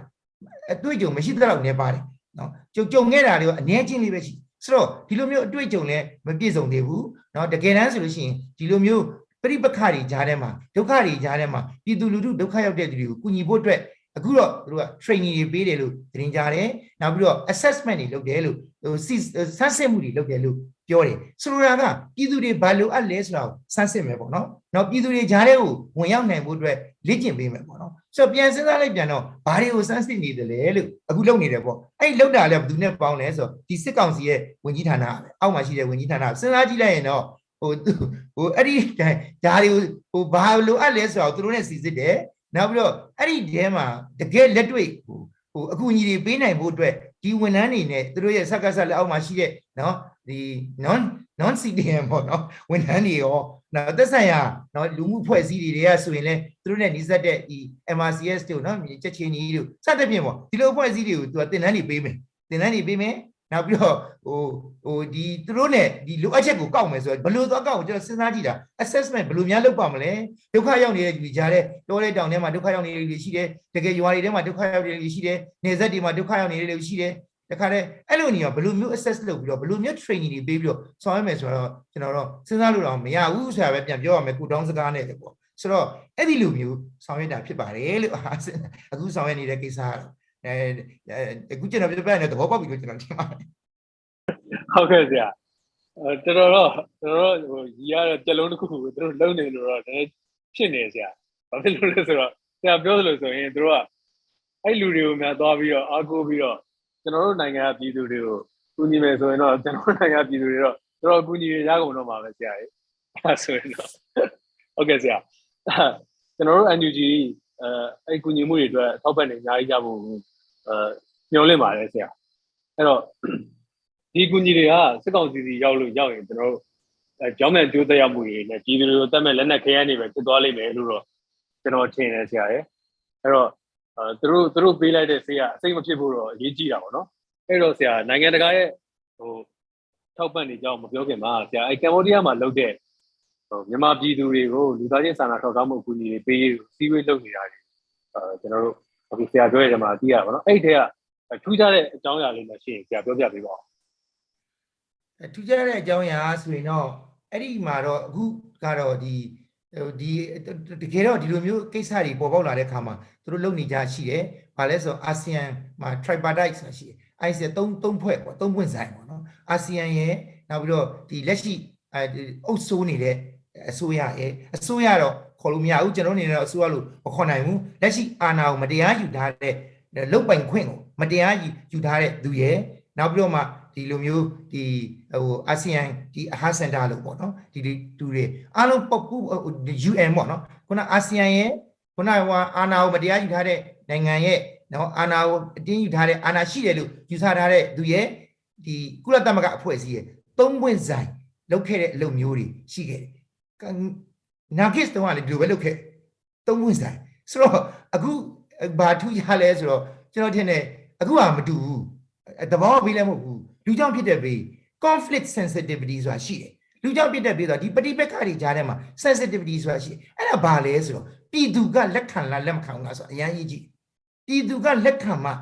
လုပ်လို့ရတယ်အခုကြီးဆိုတာပြည်သူကဒီလိုမျိုးအကူအညီတွေပေးတဲ့ဟာကို ပြည်သူတွေကလုံးဝလက်ခံလို့စိတ်မရှိဘူးဘာကြောင့်လဲဆိုတော့ပြည်သူဟာတကယ်အဓိကအရေးကြီးတာဒီဒေါ်လာရေးအောင်မြင်ဖို့နော်ပြည်သူဟာပြည်သူကိုသူတို့ကိုနှိပ်စက်တပ်ဖြတ်နေတဲ့လူကလာပြီးတော့နော်ဒီလိုမျိုးလေးလာပြီးတော့ဟိုပေးကမ်းပါတယ်ဆိုတော့ဘယ်သူကယုံမလဲဘယ်သူကဒါကိုစိတ်ထဲမှာစဉ်းစားကြည့်ပါဦးစဉ်းစားလို့တော့မရဘူးဆိုတဲ့စကားကတော့ဒီမှာထပ်ထပ်သုံးရမယ်စကားတော့ဖြစ်နေပြီနော်အဲ့လိုကိုဖြစ်နေပြီကိုထောင်းရဲ့စကားတော်တော်တိရောက်တယ်ဒီပွဲမှာတော့ဆိုတော့အဲ့ဒီလိုကိုဖြစ်နေတာဆိုတဲ့အခါကျတော့ ဘာထူးခြားချက်လဲလို့မြင်ဒီလိုမျိုးပဲဆက်လက်ပြီးတော့ဆောင်ရွက်နေတာဖြစ်တယ်ဒါကြောင့်ဒီထဲမှာမှာကျွန်တော်တို့ကနေပြီးတော့ဘလို့ပြည်သူနိုင်ငံတစ်ခါပြန်စဉ်းစားပြန်တော့နိုင်ငံတကာကစေတနာနဲ့လှူထားတဲ့အလှူငွေတွေကအဲ့ဒီမှာရောက်နေကုန်ပြီအာဆီယံ humanitarian team မှာရောက်နေပြီဒီငွေတွေဟာပြည်သူကိုထိထိရောက်ရောက်ရရှိဖို့အရန်လိုတယ်အဲ့တော့ဒါကိုကျွန်တော်တို့ကဘယ်လိုလုပ်ရမလဲဆိုတာကိုပဲကျွန်တော်စဉ်းစားရအောင်မယ်အခုလက်ရှိအခြေအနေမှာဘယ်လိုမြင်လဲလို့မြင်ရင်တော့အခြေအနေကတော့ တကယ်ထိထိရောက်ဖြစ်ဖို့မလွယ်ပါဘူးလို့ကျွန်တော်ပြောချင်တယ်တကယ်ထိထိရောက်ဖြစ်အောင်လုပ်နိုင်မဲ့နီလန်းကိုကျွန်တော်တို့ရှာကြံရမယ်ဆက်ပြီးတော့ဆွေးနွေးရမယ်နော်ဒါပါပဲအဓိကအရေးကြီးတာဟုတ်ကဲ့ပါဆရာအဲဆရာပြောသလိုဆိုရင်ကျွန်တော်တို့ကအရှိရစကားကိုပြန်ကောက်ရမှာစဉ်းစားလို့တော့မရတော့ဘူးအဲ့တော့အဲ့အာဆီယံ humanitarian center ကအဲ့ဒီငွေကြေးတွေကိုအဲ့ဒီကူညီမဲ့ငွေကြေးတွေကိုအဲကျွန်တော်တို့အာပြည်သူတွေစီကိုတိုက်ရိုက်ရောက်မဲ့ NUG ဆိုးရောက်ကိုမပေးဘဲနဲ့ ဒီစစ်ကောင်စီအကြမ်းဖက်လူစီပေးရင်တော့တေးကြတယ်ဗျအဲ့ငွေတွေကကျွန်တော်တို့ပြည်သူတွေကိုထပ်ပြီးတော့ဒုက္ခရောက်အောင်သက်ဖြတ်မဲ့အဲသွေးဆိုးငွေတွေပဲဖြစ်သွားမှာပဲဆရာအဲ့တော့သူတို့မသိလို့လားတော့မသိဘူးသူတို့ကိုယ်နောင်နာကိုပတ်စံပေးပြီးဝယ်တယ်လို့တော့ဖြစ်လိမ့်မယ်ထင်တယ်အဲ့တော့ဆရာလေကျွန်တော်ကျွန်တော်ထင်ပါတယ်နိုင်ငံတကာရဲ့ထောက်ပံ့နေပြည်သူစီထိထိရောက်ကိုရဖို့တက်ကိုဆရာတို့ဘယ်လိုလုပ်ကြမှာလဲဆရာအဲ့ဒီအဲ့ဒီຢာတွေကိုကျွန်တော်တို့လည်းပြည်သူပြောင်းနေတယ်သိချင်ပါတယ်ဆရာဟုတ် ဒါအလွန်အရေးကြီးတဲ့ကိစ္စကျွန်တော်တို့ဒီနေ့ဆွေးဆွေးနွေးတွေ့ဆုံရတဲ့ကိစ္စကလည်းဒီကိစ္စပဲကျွန်တော်တို့ဒီအထောက်ပံ့တွေကိုဘယ်လိုနဲ့ပြည်သူတွေရှိထိထိရောက်ရောက်မှာလဲနော်ဒီထောက်ပံ့တွေကလမ်းလွဲသွားမယ်လမ်းကြောင်းလွဲသွားမယ်တကယ်အိတ် diversion လို့ခေါ်တော့ဗောနော်လမ်းကြောင်းလွဲသွားနိုင်တယ်အဲ့ဒီလမ်းကြောင်းလွဲမသွားအောင်ကျွန်တော်တို့ဘာလုပ်မလဲဆိုတော့အင်မတန်အရေးကြီးတယ်အဲ့ဒါတော့ကျွန်တော်ထင်တယ်ဟိုရှင်းရှင်းလေးပါပဲအဲ့တော့ UN INGOC ကတကယ်ကူညီခြင်းနဲ့ဆိုရင်ကူညီနိုင်တဲ့နည်းလမ်းတွေရှိပါတယ် နော်တကယ်ပြည်သူတွေကိုကျွန်တော်တို့လက်တွေ့ဆောင်ရွက်တဲ့အခါမှာဘယ်လိုထိအောင်လုပ်တယ်ဆိုရယ် mechanism mechanism of implementation လို့ခေါ်တာပေါ့ဒါတွေကိုကျွန်တော်တို့ကျွန်တော်တို့ချပြပြီးသားဖြစ်တယ်ဆွေးနွေးပြီးသားဖြစ်တယ်ဒီလမ်းစဉ်တွေနဲ့တွားဖို့လိုတယ်ဆိုတော့ကျွန်တော်တို့မှာဟိုနီလန်းတွေရှိပြီးသားအဲနီလန်းတွေကဘာကြီးလဲဆိုတော့ကျွန်တော်ခုနပြောသလိုပြည်သူတွေကိုထိထိရောက်ကူညီဖို့ပြည်သူကြားမှာပြည်သူနဲ့ပဲဆက်သွယ်မှရမယ်ဆိုတော့ပြည်ဒီပြည်သူကိုဗဟိုပြုတဲ့နည်းနဲ့ပဲချင်းကပ်မှရမယ် နော်ဒီစက္ကစကိုဗဟိုပြုတဲ့နည်းနဲ့ချင်းကပ်ရင်ကတော့ဘလို့မှမဖြစ်နိုင်ဘူးပြည်သူကိုဗဟိုပြုတဲ့နည်းလို့ပြောတဲ့အတွက်ကြောင့်ပြည်သူထဲမှာပြည်သူကိုဆောင်ရွက်နေတဲ့ခုနအဖွဲ့အစည်းတွေရှိပြီးသားသူတို့ကသူတို့ဒီပြည်သူတွေကိုယ်တိုင်ကဖွဲ့ထားတာ coordination committee တွေရှိတယ်အဲ့ဒီမှာခုနကျွန်တော်တို့ပြောသလိုတိုင်းတိုင်းရင်းသားဒီတော်လိုင်းရေးအဖွဲ့အစည်းတွေ EROs တွေ ethnic resistant organizations တွေ EAOs တွေ EROs တွေရှိတယ်ဒီ EROs တွေရဲ့ကိုယ်စားလှယ်တွေရှိပြီးသားဒီ coordination committee မှာ နောက်ပြီးတော့ဒီပြည်သူတွေဒုက္ခရောက်နေတဲ့ပြည်သူတွေကြားမှာဆောင်ရွက်နေတဲ့လူမှုအဖွဲ့အစည်းတွေရှိတယ်ဒီလူမှုအဖွဲ့အစည်းတွေကနော်ဒီအမတန်ခုနပြောတဲ့နော်နောက်ဆက်ဖြည့်စည်းလို့နာမည်တွေပြောင်းပြီးတော့ဆောင်ရွက်ရတယ်လျှို့ဝှက်ဆောင်ရွက်ရတာရှိတယ်နော် low profile နဲ့ဆောင်ရွက်ရတာတွေရှိတယ်ဘာပဲဖြစ်ဖြစ်ချိတ်ဆက်ထားတဲ့နော် networking ကတော့အလွန်ကောင်းပါတယ်ဒါကျွန်တော်ပြပြဒီမှာဒီဒီချာကျွန်တော်ပြပြတာဖြစ်ပါတယ်ဒါကိုလည်းတို့ကလိုက်ကြပါတယ်ဒီ networking တွေကိုလည်းလိုက်ပြီးတော့ဖြည့်ဆည်းနေကြတယ်တော်တော်လေးဒုက္ခရောက်ပါတယ် ဒီဒုက္ခတွေကြားကူညီနေတဲ့အဖွဲ့အစည်းတွေရှိတယ် networking တွေကောင်းကောင်းရှိတယ်အဲ့တော့ခုနပြောတဲ့ဒီ UN က INGOC နဲ့တာကူညီရတယ်ဆိုရင်ဒီပတ်စံက UN ကတဆင့်တွားပြီးတော့ဆောင်ရွက်လို့ရတဲ့တော့ကျွန်တော်တို့ဒီဒီပြည်သူတွေနဲ့ပြည်သူတွေအတွက်ကိုဆောင်ရွက်ခြင်းနဲ့ INGOC ရှိပါတယ်နော်ဆိုလိုတာက NUG ကလည်းပြည်သူအစိုးရဖြစ်တဲ့အတွက်ကြောင့် NUG ကိုဓာတ်ရိုက်ငွေကြေးပို့စရာမလိုပါဘူး NUG ရဲ့ partner organization တွေရှိပါတယ် NUG ရဲ့နော် proxy organization တွေရှိပါတယ် NUG ရဲ့ endorse လုပ်ထားတဲ့ဟိုအဖွဲ့ကြီးရှိပါတယ်ဆိုတော့ NUG ကထောက်ခံထောက်ခံချက်ပေးနိုင်တော့နော် NUG နဲ့လက်တွဲဆောင်ရွက်နေတော့တကယ့်ပြည်သူကိုထိထိရောက်လုပ်နိုင်တဲ့ INGOs အဖွဲ့အစည်းတွေနဲ့ဒီ UN အဖွဲ့အစည်းတွေကချိတ်ဆက်ဖို့လိုပါတယ်ဒီအဖွဲ့အစည်းတွေကတကယ်တော့ဘယ်သူတွေလဲဘယ်အဖွဲ့လဲဆိုတာ UN အဖွဲ့တွေကသိပါတယ်နော်ဆောင်ရွက်ပြီးတော့ဒီလိုမျိုးချိတ်ဆက်ဆောင်ရွက်လိုက်လို့ရှိရင်ဒီအဖွဲ့အစည်းတွေကတဆင့်သူတို့နဲ့ နော် networking ဆိုတာခုနကပြောကွန်ရက်ကြီးလောက်ထားတဲ့ဒီလူမှုအဖွဲ့အစည်းအသေးတွေကိုတဆင့်အဲ့ဒီကမှတဆင့်ပြည်သူတွေကြောင်းရောက်အောင်ဆောင်ရွက်လို့ရတယ်အဲ့ဒီလိုပဲကျွန်တော်တို့ NUG ရဲ့ဒီ volunteers အဖွဲ့တွေလောက်အားပေးအဖွဲ့တွေမြေပြင်မှာလျှို့ဝှက်ဆောင်ရွက်နေတဲ့အဖွဲ့တွေလည်းရှိတယ်ဒီအဖွဲ့တွေနဲ့ချိတ်ဆက်လို့ကျွန်တော်တို့ကချိတ်ဆက်ပေးလို့ရတယ်ဒီလိုမျိုးချိတ်ဆက်ပေးပြီးတော့လည်းဆောင်ရွက်လို့လည်းရတယ်နောက်တစ်ခုကတော့ခုနကကျွန်တော်တို့ဒီစုံမွနေမြေတွေကျွန်တော်တို့ NUG ကရထားတာတွေရှိတယ်ဒါအားလုံးပြည်သူတွေကိုချက်ပြထားပြီးပြီ နော်ကျွန်တော်တို့ဟိုဖော်ပြထားပြီးပြီဘလောက်ရာခိုင်နှုန်းဆိုတာကိုလည်းကျွန်တော်ခန့်မှန်းဖော်ပြထားတာရှိတယ်အဲ့ဒီဒီမှာကျွန်တော်တို့ဒီဆောင်ရွက်နေတဲ့ဒီဒေသဆိုင်ရာအုပ်ချုပ်ရေးခုနပြည်သူ့အုပ်ချုပ်ရေးတို့ပြည်သူ့ကာကွယ်ရေးတို့အဖွဲ့အစည်းအဲ့ဒီအဖွဲ့တွေနဲ့ကျွန်တော်တို့ဝန်ကြီးဌာနက CDMRC နဲ့ချိတ်ဆက်ဆောင်ရွက်နေတာရှိသလိုဒီအဖွဲ့တွေမှာလည်းလူသားချင်းစာနာမှုကိုရွရွချွန်ချွန်ဆောင်ရွက်နေတဲ့မြေပြင်မှာဆွလွတ်ဆွစားဆောင်ရွက်နေတဲ့အဖွဲ့ကြီးဒါတွေနဲ့ကျွန်တော်တို့ချိတ်ဆက်ဖို့လိုတယ်အဲ့ဒီမှာတော့ဘာအရေးကြီးတယ်ဆိုတော့ ငကိုလုံနေတဲ့လုံထုံးလုံကြီးတွေတိုင်းတော့သွားလို့မရဘူးလုံထုံးလုံနည်းတွေကိုပြင်ရမယ် INGO UN INGO တွေရဲ့လုံထုံးလုံနည်းတွေက flexible ဖြစ်အောင်လုပ်ရမယ်ဆိုလိုတာကတော့ဒီနီးလန်းတွေကိုလုံထုံးလုံနည်းတွေကိုဖြည့်လျှော့တာတွေလုံတဲ့တဲ့ကိစ္စတွေလုံထုံးလုံနည်းတွေလုပ်ရမယ်ပေါ့နော်လုံထုံးလုံနည်းအတိုင်းပဂရိအတိုင်းနော်ဒီဒီမူလကလုံးဝ agent တဲ့နေရာမှာ UNIGOC ကပြည်သူကိုထောက်ပံ့နေတဲ့ပုံစံနဲ့တော့တွားလို့မရဘူး အခုဟာတကယ်ပြိပခဒေတာတွေမှာဆောင်ရွက်ရမှာမလို့လုံထုံးလုံကြီးကိုဖြည့်လျှော့ပြီးဆောင်ရွက်မယ်ဆိုရင်တော့တကယ်ထိရောက်တဲ့ဆောင်ရွက်ချက်တွေဖြစ်နိုင်ပါတယ်လို့ဒါဘယ်လို့ထိရောက်စွာလုပ်မလဲဆိုတဲ့အချက်ကိုပြောပြပြောပြတာဖြစ်ပါတယ်အဲ့ဒါကိုပဲဒါကိုလည်း UN ဒီ special envoy ကလည်းဒါကို highlight လုပ်ပြီးတော့ဖော်ပြထားတာရှိတယ်ကျွန်တော်တို့ NUG ပြည်သူ့အစိုးရကလည်းပြည်သူအတွက်နော်နိုင်ငံတကာရဲ့အထောက်အပံ့တွေပေးဖို့ဆိုရင်ထိထိရောက်ဆောင်ရွက်နိုင်အောင် position statement ဆိုတာထုတ်ထားတယ် ဆိုတော့သဘောထားနိုင်ငံတကာကနေဒီသဘောထားထုတ်ပြန်ချက်ကိုရေညက်စွာဖတ်ကြည့်လိုက်ရင်သိပါတယ်ဒါကျွန်တော်ဇူလိုင်လောက်တည်းထုတ်တာအစိုးရထုတ်တာဆိုတော့ဒါကိုလည်းနိုင်ငံတကာသိတယ်ကျွန်တော်တို့ရဲ့သဘောထားထုတ်ပြန်ချက်ဘလို့နည်းနဲ့ပူးပေါင်းဆောင်ရွက်ပြီးတော့ဘလို့ထိရောက်အောင်လုပ်လို့ရတယ်ဆိုတာကိုအဲ့ဒီမှာရှိတယ်ဒါကိုလည်း UN Special Envoy ကသဘောကျတယ်ဒါနဲ့ပတ်သက်ပြီးတော့လည်းသူ့ရဲ့နော် statement တွေမှာလည်းဒီလုတ်ကင်လုတ်လုတ်ပုံလုံးကြီးတွေကိုသူဖော်ပြထားတာရှိတယ်ဒီလိုဒါကြောင့်မလို့ထိရောက်စွာလုပ်နိုင်တဲ့နည်းလမ်းတွေရှိပြီးသားဖြစ်ပါတယ်လို့ mechanism ဟုတ်ကဲ့ဆရာဆရာပြောတာတွေကအင်တာပြည့်စုံပါတယ် energy အနေနဲ့ဘာတွေလုပ်နေမလဲဆိုတာတွေရော UN ကလူတွေရှေ့ဆက်ပြီးဘယ်လိုလုပ်သင့်လဲဆိုတာတွေကိုဆရာကျွန်တော်ပြည်သူတွေသိအောင်တရင်ကပါပြီးဆိုတော့ကျန်တဲ့သူလည်း UN နဲ့ဆိုင်တဲ့သူတွေတော့လည်းဒီဒီဟာကိုကြည့်လိုက်ရရင်ဒီတရင်စကားတွေကိုသိရလိမ့်မယ်လို့မျှော်လင့်ပါတယ်အဲ့တော့နိုင်ငံတကာရောက်ပြည်သူတွေရောဆရာဗာသတင်းများပါကြပါလဲဆရာ အမ်ဒါလည်းအမတန်အရေးကြီးတဲ့အမေကွန်းလို့ထင်တယ်။ဘာကြောင့်လဲဆိုတော့ကျွန်တော်တို့အခုပြည်သူတွေဒုက္ခရောက်နေတယ်။ဒုက္ခရောက်နေတဲ့ပြည်သူကိုကူညီတာပြည်သူတွေပဲ။အဲ့ပြည်သူတွေဆိုတာပြည်သူကပြည်သူကိုအဲ့ပြည်သူတွေဟာနိုင်ငံတွင်းမှာရှိတဲ့ပြည်သူတွေပြည်သူတွေပါတယ်လို့နိုင်ငံတကာရောက်ပြည်သူတွေရဲ့ပံ့ပိုးမှုကပိုများတယ်။ပိုများတယ်အများကြီးပံ့ပိုးနိုင်တယ်။ဘာကြောင့်လဲဆိုတော့လွတ်လွတ်လပ်လပ်တွေးခေါ်စဉ်းစားလောက်ကင်ပြီးတော့ဟို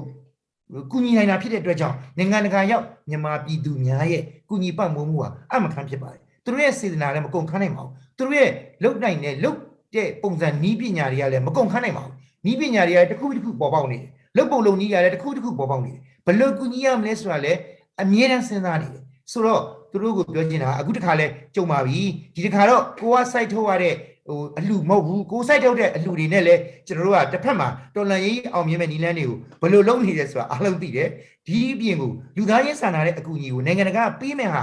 ဘလောက်ကောင်းတယ်လဲကျွန်တော်တို့ရဲ့ဒီတော်လန်ရေးအောင်မြင်မှုမှာတကယ်သာထိထိရောက်ရောက်ပြည်သူရရင်အထောက်ပံ့အလွန်ဖြစ်မယ်လို့ကျွန်တော်ယူဆတယ်။ဘာကြောင့်လဲဆိုတော့ကျွန်တော်တို့နိုင်ငံတကာရောက်ပြည်သူတွေကျွန်တော်တို့ပြည်သူတွေကတော်လန်ရေးအောင်မြင်ဖို့တစ်ဖက်တနာအခြားနည်းနဲ့နော်အားဆိုင်နေတဲ့အချိန်မှာဒါနဲ့အတူတူဒီပြိပခနဲ့အတူတူပေါ်ပေါက်လာတဲ့များပြားလာတဲ့လူသားချင်းစာနာမှုအကူအညီတွေကိုနိုင်ငံတကာများဝိုင်းကူညီလိုက်ရင်ကျွန်တော်တို့ကနှစ်ဆပေါ့နော် ကျွန်တော်တို့ဘက်ကအင်အားကိုနိုင်ငံတကာရဲ့အင်အားနဲ့ပေါင်းဖို့အခုကျွန်တော်တို့ခေပြောရရင်ရင်နာဖို့ကောင်းတပြားတကယ်ကိုထိတိရောက်တဲ့နိုင်ငံတကာအကူအညီပတ်တစ်ခုမှမရသေးဘူးကိုပြည်သူကကိုပြည်သူပဲဒီငွေရလည်းအပုံလိုက်ကြီးရှိနေပြီသူတို့နဲ့ပြောတဲ့ခါမှာပေါ့နော်ဒါစကားကြက်ညက်နဲ့ပြောရရင်ငွေတက်ကိုဖင်ခုထိုင်တာရတယ်တဲ့ဘာမှလုပ်လို့မရဘူးတဲ့ငွေရအပုံလိုက်ကြီးရှိတယ်နိုင်ငံတကာဒါကိုထိတိရောက်သုံးဖို့ပဲလိုတော့တယ် ဆိုတော့အဲ့လိုမျိုးလူသားချင်းစာနာတဲ့အကူအညီမှာထိထိရောက်သုံးလိုက်ရင်ဘယ်တော့ကောင်းမလဲဒါကြောင့်မလို့အခုလုပ်နေတဲ့ mechanism တွေထဲမှာဘယ်လို mechanism တွေနဲ့လုပ်ရင်အဆင်ပြေလဲနော်နိုင်ငံတကာကဘာလဲဆိုတော့အတန်တွေထွက်ဖို့ပဲလို့လေအခုလိုမျိုးလူသားချင်းစာနာတဲ့အကူအညီကိုနော်စကားစဟိုဥတီပြီးတော့ဆောင်ရွက်နေတယ်အကြမ်းဖက်ကို approach နဲ့တွားနေတယ်ချင်းကပ်မှုနဲ့တွားနေတဲ့ပုံစံကတော့မဟုတ်ဘူးဆိုတော့နိုင်ငံတကာရောက်ပြည်သူတွေကလည်းဒါဒီအတန်ကြီးအများကြီးထွက်ဖို့လိုတယ်ဒီအာဆီယံမှာဆောင်ရွက်တဲ့ ငွေတွေကိုကျွန်တော်တို့ကဒါဒီမှာကျွန်တော်အရေးကြီးတာတခုပြောချင်တယ်ကျွန်တော်တို့ကအမြဲတမ်း negative ဆန့်ကျင်ဘက်ကြီးပဲလိုက်စဉ်းစားပြီးတော့ပြောနေတာမဟုတ်ဘူးအမြဲတမ်းနှောက်ယှက်ကန့်ကွက်ဟန့်တားနေတာမဟုတ်ဘူးအဓိကကျွန်တော်တို့ကတကယ်တော့တကယ်တော့ positive ဘက်ကိုသွားနေတာကျွန်တော်တို့ကတကယ်ဖြစ်နိုင်တဲ့အကျိုးပြုဘက်ကိုသွားနေတာဓမ္မဘက်ကိုသွားနေတာတကယ်ဒုက္ခရောက်တယ်တော့ဘယ်သူလဲဒုက္ခရောက်တဲ့လူကြကြနာကုညီနိုင်ဖို့ဘယ်လိုလုပ်မလဲဒါကိုပြောနေတာကျွန်တော်ကနေရာတကာမှာလုပ်တဲ့အလုပ်တွေဆန့်ကျင်နေတာမဟုတ်ဘူးဆန့်ကျင်ခုနပြောတဲ့စဉ်းအောင်မစဉ်းစား ခဲ့ဘူးဆိုတဲ့စကားလေးဒီမှာပြန်သုံးအောင်မယ်တကယ်တော့မစဉ်းစားတဲ့အရာတွေစဉ်းစားပြီးတော့မဟုတ်တာတွေလုပ်တာဆိုတော့ဒီမှာနည်းနည်းလေးပြင်းပြင်းထန်ထန်စကားပြောရရင်တခုတယောဂနဲ့အလုပ်ကိုလုပ်နေတာလေစဉ်းစားကြည့်ပါဦးဒီဟာကြီးကိုကျွန်တော်တို့ကဘယ်လိုလုပ်အပြီးဒါကိုစန့်ကျင်ရမယ်အဲ့တော့နိုင်ငံတကာရောက်မြန်မာများကလည်းဒီဟာနဲ့ပတ်သက်ပြီးတော့အခုလက်ရှိလူသားချင်းစာနာမှုအကူအညီနဲ့ပတ်သက်ပြီးတော့ထိထိရောက်ရောက်နိုင်ငံတကာရဲ့ဟဟိုအကဲအလှငွေမွန်မြတ်တဲ့အလှငွေတွေဖြစ်ပါတယ်ဒီလူငွေကတကယ်ဒုက္ခရောက်တဲ့လူတွေလက်ထက်ကိုရောက်သွားဖို့ အားပေးကြပါအတန်တွေထွက်ကြပါတိုက်တွန်းကြပါကျွန်တော်အဲ့လိုမျိုးကျွန်တော်ဟိုနှုတ်ဆောင်ခြင်းပါတယ်လို့နော်နိုင်ငံတကာရောက်မြန်မာပြည်သူများကိုလေကိုယ့်ဘက်ကတော့တာဝန်ကြီးနေပြီနော်ကိုလူမဲ့လုပ်တွေကိုအားစိုက်တာတော်တော်ကိုတာဝန်ကြီးနေပြီတစ်ဖက်ကရောက်လာမဲ့သူလည်းကြိုးဆိုမယ်ကျွန်တော်တို့ကဒီဟာကိုကျွန်တော်စန့်ကျင်နေတာမဟုတ်ဘူးခုနကကျွန်တော်ပြောသလိုကြိုးဆိုတယ်နိုင်ငံတကာအကူအညီကြိုးဆိုတယ်အဲ့တော့ဘာတွေလုပ်တယ်လဲဆိုနိုင်ငံတကာတွေကိုလည်းကျွန်တော်နိုင်ငံတကာတန်ယုံနေနိုင်ငံတကာတွေကိုနိုင်ငံတကာမှာရှိတဲ့ကျွန်တော်တို့ရဲ့ဟို representative တွေရှိတယ်ကိုယ်စားလှယ်တွေရှိတယ်ဒီကိုယ်စားလှယ်ရတဲ့ဆင့်ရော နိုင်ငံတကာရောက်လွှတ်တော်တွေရောနိုင်ငံတကာအစိုးရတွေရောကျွန်တော်တို့ကသူတို့ရဲ့အလှငွေတွေနော်အလဟတ်တမဖြစ်အောင်ဆောင်ရွက်ကြပါအားလုံးကဝိုင်းဝန်းပြီးတော့နိုင်ငံတကာကလည်းဒီကိစ္စမှာအတန်များများထွက်ပြီးတော့ထိထိရောက်ရောက်ဖြစ်နိုင်မဲ့နီလန်းတွေကိုဖော်ထုတ်ကြံစဆောင်ရွက်နိုင်အောင်တိုက်တွန်းပေးပါလို့ဒါနှောက်ရက်တာမဟုတ်ဘူးနော်ဟန်တာတာမဟုတ်ဘူးနော်ဒီတိုက်တွန်းတာတကယ်ထိထိရောက်ရောက်ရောက်အောင်နီလန်းတွေတိုက်တွန်းပေးပါလို့ကျွန်တော်အနေနဲ့ပြောချင်ပါတယ်ဟုတ်ကဲ့ပါဆရာ အဲ့တော့ဆရာပြောသလိုပဲကျွန်တော်တို့နိုင်ငံသားပြည်သူတွေအားလုံးလည်းဒီကထပ်မံပြီးအားကိုးရမှာပဲအဲတိုက်တွန်းပေးဖို့လိုပါတယ်နိုင်ငံတကာရဲ့ထောက်ပံ့ငွေတွေကကျွန်တော်တို့ပြည်သူတွေဒုက္ခရောက်နေပြည်သူတွေဒါရဲ့ရောက်ရှိဖို့အတွက်ဘယ်လမ်းကြောင်းအသင့်ဆုံးပဲဆိုတာနိုင်ငံတကာပြည်သူတွေလည်းသိမှာပါအခုဆရာပြောရတဲ့အားလုံးပဲလေအဲ့တော့ဆရာကျွန်တော်ဂျမ်ဘတ်စစ်ကောင်စီကလည်းကောင်းမသာနဲ့ပြည်သူတွေကိုစန့်ကျင်ပြီးတော့ချစ်ဆက်တိုးမဲ့သဘောတွေ့နေရတော့ကျွန်တော်မြင်ရပါတယ်ဆရာပြည်သူတွေအားလုံးလည်းသိပါတယ်အဲ့ တော့ပြည်သူလူထုနဲ့တိုင်းသားညီနောင်တွေအားလုံးကလည်းဒီဖက်စစ်စစ်တပ်ကိုအမြင့်ဖြတ်ဖို့အတွက်တန်ဋိဌာန်ချထားပြီးသားဒါနောက်ဆုံးတိုက်ပွဲဆိုတဲ့သဘောနဲ့အပြည့်အဝစိတ်ကိုအတင်းထားပြီးသားပေါ့နော်ရှေ့ဆက်ရှေ့ဆက်ဖို့လည်းရှိထားပြီးသားပေါ့အဲ့ဒီအခြေအနေတွေအတွက်ပြည်သူတွေရှေ့ဆက်ပြီးဘာတွေပြင်ဆင်ထားတင်လဲဆိုတော့ဆရာပြောပြပြီးပါအဲ့တော့ကျွန်တော်တို့ပြည်သူတွေအနေနဲ့ပေါ့နော်ခုနကကိုတောင်းမိတယ်ပြည်သူတွေဘာပြင်ထားရမလဲဆိုတော့တကယ်တမ်းဆိုလို့ရှိရင်ပြည်သူတွေကအမြဲတမ်းအသင့်ရှိနေကြပြီ။ ဘာကြောင့်လဲဆိုတော့ကျွန်တော်တို့ရှောက်လန်းနေတဲ့လမ်းကြောင်းဟာနော်လမ်းပြမြေပုံရှိတယ်ကျွန်တော်တို့ရဲ့ပန်းနိုင်ကိုကျွန်တော်တို့ကတည်တယ်။အဲ့ဒီပန်းနိုင်ဟာအခုလိုမျိုးဒုက္ခတွေမရောက်တော့မဲ့နော်အခုလိုမျိုးစစ်ပေးချောင်တွေအခုလိုထွက်ပြေးရတာတွေတိန့်ချောင်ရတာတွေအသက်ခံရတာတွေမိချုပ်ခံရတာတွေမတရားနှိပ်စက်ညှဉ်းပန်းခံရတာတွေအာဏာပြမဲ့ကိစ္စတွေအာဏာကိုမတရားလူယူတဲ့ကိစ္စတွေဒါတွေထပ်မဖြစ်တော့ဘူးမဖြစ်တော့ဘူးကျွန်တော်တို့ရဲ့တိုးတက်နေတဲ့နိုင်ငံကြီးကနေပြီးတော့လုံးဝဆောက်ရုပ်သွားတဲ့လုံးဝမြေမြေ အပုံလိုက်ကြီးကျသွားတဲ့ကိစ္စမျိုးနောက်ထပ်မဖြစ်ဖို့ကအလွန်အရေးကြီးတယ်အဲ့ဒါမဖြစ်ဖို့အတွက်ဆိုရင်ကျွန်တော်တို့ဟာဒီ Federal Democracy ပြည်ထောင်စုကြီးကိုထူထောင်နိုင်မှဒီလိုမျိုးကိစ္စပြီးမြောက်သွားမှာဖြစ်တယ်ဒါကြောင့်အဲ့ဒီလမ်းကိုကျွန်တော်တို့သွားနေပြီသွားနေတဲ့ခါကျတော့ကျွန်တော်တို့စပြီးတော့ကျွန်တော်တို့စဖွဲ့တွေကကျွန်တော်တို့ဗျမ်းမတာလေလိုင်းအစိုးရမဟုတ်ပါဘူးကျွန်တော်တို့ NU CRPH ဆိုတာဖွဲ့စည်းတယ်နောက်က NUGG ဖြစ်ပေါ်လာတယ်အဲ့ဒီမှာအရေးကြီးတဲ့ NUCC ဆိုတာဖြစ်လာတယ်အဲ့တော့ NUG က National Unity Government NUCC က National Unity Consultative Council အတိုင်ပင်ခံကောင်စီဒီလိုမျိုးကျွန်တော်တို့အစင်းစင်ဖွဲ့ပြီးတော့အဲ့ဒီမှာ charter တွေရေးဆွဲတယ် charter 1နှစ်ဆိုထွက်လာတယ်เนาะဒီ charter အရကျွန်တော်တို့ဆက်ပြီးတော့ခြိတက်နေတယ်နောက်ပြီးတော့ကျွန်တော်တို့အခုဟာဂျာကာလာအစိုးရနောက်ပြီးအသွင်ကူးပြောင်းရေးအစိုးရနောက်ပြီးလို့ရှိရင် Federal အစိုးရဆိုတစ်စင်းပြီးတစ်စင်းသွားမှာအဲ့တော့ကျွန်တော်တို့အခုဒီ roadmap ကြီးမှာအစင်းစက်နှစ်စင်းမှာအစင်း9ရောက်နေ လမ်းတစ်ဝက်ကိုကြော်နေပြီဟိုဘက်ကိုကျွန်တော်တို့တောင်းမြင်နေရပြီကျွန်တော်တို့မြင်နေရပြီအဲ့မြင်နေရတဲ့အချိန်မှာ ကျွန်တော်တို့တွေအကုန်လုံးဟာအရန်အရေးကြီးတာလက်တွဲထားတာဖြစ်တယ်အဲ့လက်တွဲမဖြုတ်ဖို့လိုတယ်ဘာအသင့်ရှိရမလဲဆိုလက်တွဲမဖြုတ်ဖို့လိုတယ်လက်တွဲတွေပိုခိုင်ဖို့လိုတယ်အဖြက်အစီအနှောက်အယှက်အဟံတာသွေးခွဲမှုအမျိုးစုံကြုံရမယ်အဲ့ကြလို့ရှိရင်ကျွန်တော်တို့ဒါကို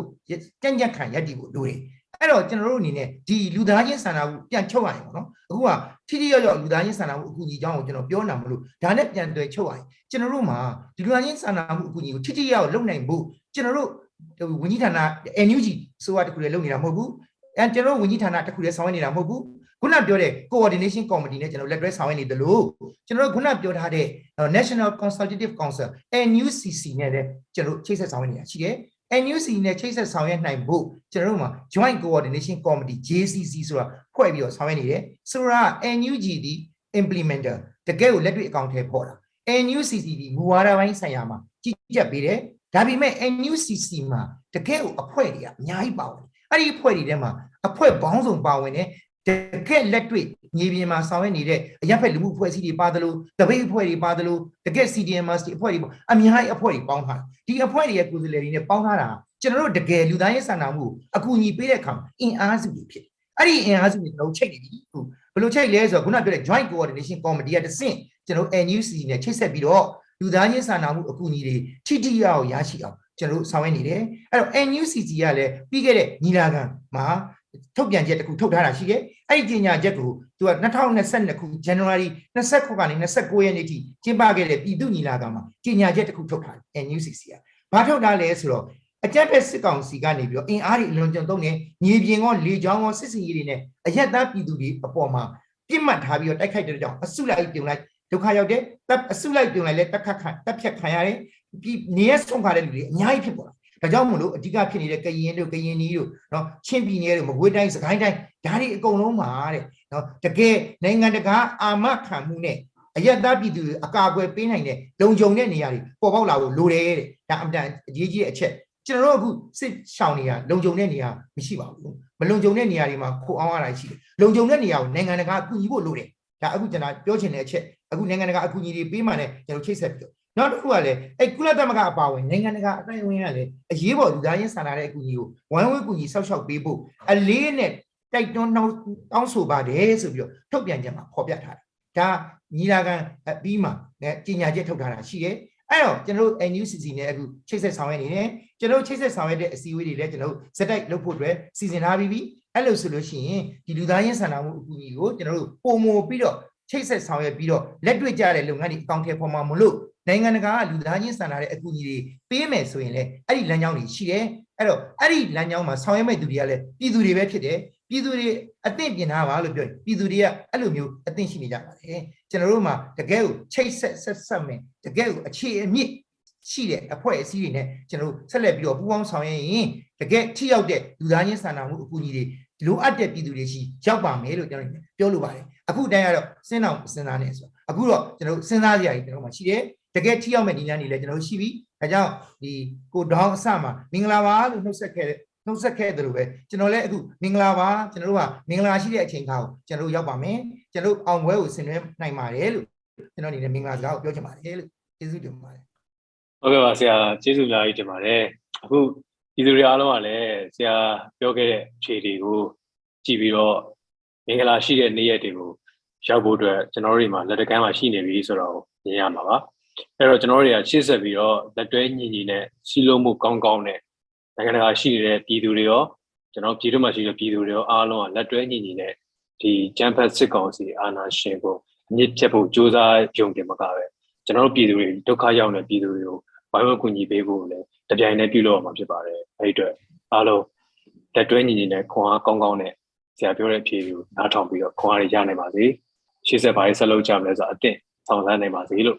ကျွန်တော်ပြောလိုပါတယ်ဆရာကြီးဒီတော့မအောင်ရမယ်နော်အောင်ရမည်ကျေးဇူးတင်ပါတယ်ဟုတ်အောင်ကိုအောင်ရမည်အောင်ကောင်းအောင်ပြီဆရာ